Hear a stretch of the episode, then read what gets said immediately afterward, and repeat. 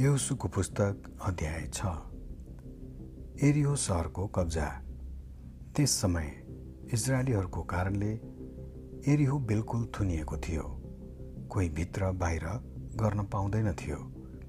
तब परमप्रभुले यहोसुलाई भन्नुभयो हेर एरिहो त्यहाँका राजा र वीर योद्धाहरू समेत मैले तेरो बसमा पारिदिएको छु। सबै सशस्त्र लडाकाहरू त्यस सहरलाई घेरेर एकचोटि घुमेर जाओ। छ दिनसम्म तिमीहरूले यसै गर्नु।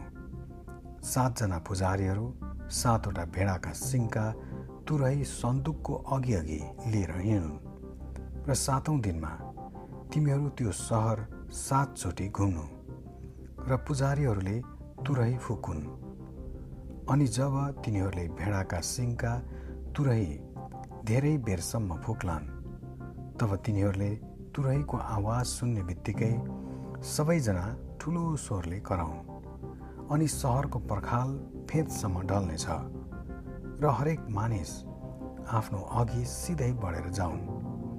यसकारण नुनका छोरा यहोसुले पुजारीहरूलाई बोलाएर भने करारको सन्दुक उठाओ र सातजना पुजारी भेडाका सिङका सातवटा तुरै भिरेर परमप्रभुका सन्दुकको अगाडि हिँडुन्। अनि तिनले मानिसहरूलाई भने अगाडि बढेर सहरको चारैतिर घुमेर जाओ। हतियार बोक्नेहरू चाहिँ परमप्रभुको सन्दुक अघि अघि हिँडुन्। योसुले यी कुरा मानिसहरूलाई भनिसकेपछि सातजना पुजारी भेडाका सिङका सातवटा तुरै बोकेर परमप्रभुको अगाडि हिँडे र आफ्ना तुरै फुक्दै अघि बढ्न लागे। परमप्रभुका करारको सन्दुक चाहिँ तिनीहरूको पछि लाग्यो। हतियार बोक्ने मानिसहरू चाहिँ तुरै फुक्ने पुजारीहरूका अगाडि हिँडे र पछाडिकाहरू चाहिँ सन्दुकको पछि हिँडे अनि पुजारीहरू तुरै फुक्दै हिँडे। तर यहोसुले मानिसहरूलाई यसो भनेर अराए जुन दिनसम्म म तिमीहरूलाई कराउने आज्ञा दिन्न तिमीहरू नकराउनु। तिमीहरूको स्वरै पनि नसुनियोस्। तिमीहरूका मुखबाट पनि केही वचन ननिकाल्नु। मैले कराउनु भनेपछि मात्र कराउनु। यसरी तिनले परमप्रभुको सन्दुकलाई सहरको वरिपरि एकचोटि घुमाए र तिनीहरू छाउनीमा आए र त्यहीँ बास बसे। यसु बिहान सबेरै उठे र पुजारीहरूले परमप्रभुको सन्दुक उठाए। ती सातजना पुजारीहरूले भेडाका सिङका सातवटा तुरही बोकेर परमप्रभुका सन्दुकको अघि अघि तुरही बजाउँदै हिँड्दै रहे।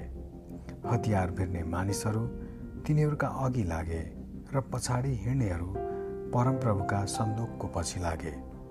पुजारीहरू चाहिँ तुरै फुक्दै हिँड्दै। यसरी दोस्रो दिन पनि तिनीहरू सहर एकचोटि घुमेर छाउनीमा फर्के। छ दिनसम्म तिनीहरूले यसै गरे।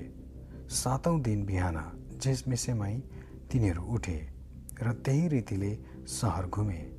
केवल त्यस दिन तिनीहरूले सातचोटि सहर घुमे। सातौँचोटि जब पुजारीहरूले तुराई फुके तब यहोसुले मानिसहरूलाई भने कराओ किनभने परमप्रभुले तिमीहरूलाई यो सहर दिनुभएको छ। यो सहर र यसमा भएका सबै थोक नाशको निम्ति परमप्रभुमा अर्पण गरिएको छ। राह बेस्या र त्यसका घरमा त्यससँग भएका मात्र बाँच्नेछन्। किनभने हामीले पठाएका जासुसहरूलाई त्यसले लुकाएकी थिए तर नाशको निम्ति अर्पण गरिएका कुराहरूबाट तिमीहरू अलग रहनु।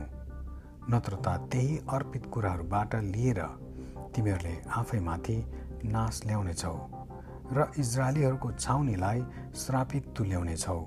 र यसलाई सङ्कष्टमा पार्नेछौ। तर सबै सुन चाँदी र काँसाका र फलामे भाँडाहरू परमप्रभुको निम्ति पवित्र छन्। तिनीहरू परमप्रभुको भण्डारमा जानुपर्नेछ। जब पुजारीहरूले तुरै फुके तब मानिसहरू कराए र तुरैको आवाज सुन्ने बित्तिकै जब तिनीहरू ठुलो स्वरले कराए त्यो पर्खाल फेदैसम्म गर्लम्म ढल्यो। अनि हरेक मानिस आफ्नो सिधै अघि बढ्यो। तिनीहरू सबै सहरमा पसे र त्यो कब्जा गरे अनि तिनीहरूले त्यो सहर परमप्रभुमा अर्पण गरे र सहरभित्र रहेका पुरुष स्त्री जवान बुढा र गोरु भेडा र गधा सबैलाई तरवारले नाश गरे अनि योसुले त्यस देशको जासुस गर्न जाने ती दुईजनालाई भने त्यस बेस्याको घरमा जाओ। र तिमीहरूले त्यससित शपथ खाए अनुसार त्यस स्त्री र त्यससँग भएका सबैलाई त्यहाँबाट निकाल। तब ती जासुस गर्न जाने युवकहरू गए र राहबलाई र त्यसका बुवा आमा दाजुभाइ र त्यससँग भएका सबैजना त्यसका सबै नातेदारलाई बाहिर ल्याए र तिनीहरूले उनीहरूलाई इजरायलको छाउनीदेखि बाहिर राखे। तब तिनीहरूले त्यो सहर र त्यहाँभित्र भएका यावत थोक आगोले जलाइदिए। केवल सुन चाँदी र काँसाका र फलामे भाँडाकुँडाहरू तिनीहरूले परमप्रभुका घरको भण्डारमा राखे। तर राह बेस्या त्यसका बुवाका परिवार र त्यससँग भएका सबैजनालाई यहोसुले बचाइदिए। किनभने यहोसुले एरिहोमा जासुस गर्न पठाएका दूतहरूलाई त्यसले लुकाएकी थिए। अनि आजसम्म इजरायलीहरूका बिचमा नै त्यो रहेकी छे। त्यसै समय योसुले तिनीहरूलाई शपथ खाएर यसो भने जो यो एहिरो सहर बनाउन खडा हुन्छ त्यो परमप्रभुको अघि श्रापित होस्। यसको जग बसाल्दा त्यसको जेठो छोरो मर्नेछ। आफ्नो कान्छो छोराको मूल्यमा यसको मूल्य ढोका बसालिनेछ। यसरी परमप्रभु यहोसुको साथमा रहनुभयो र तिनको कृतिमा देशभरि फैलियो। आमेन।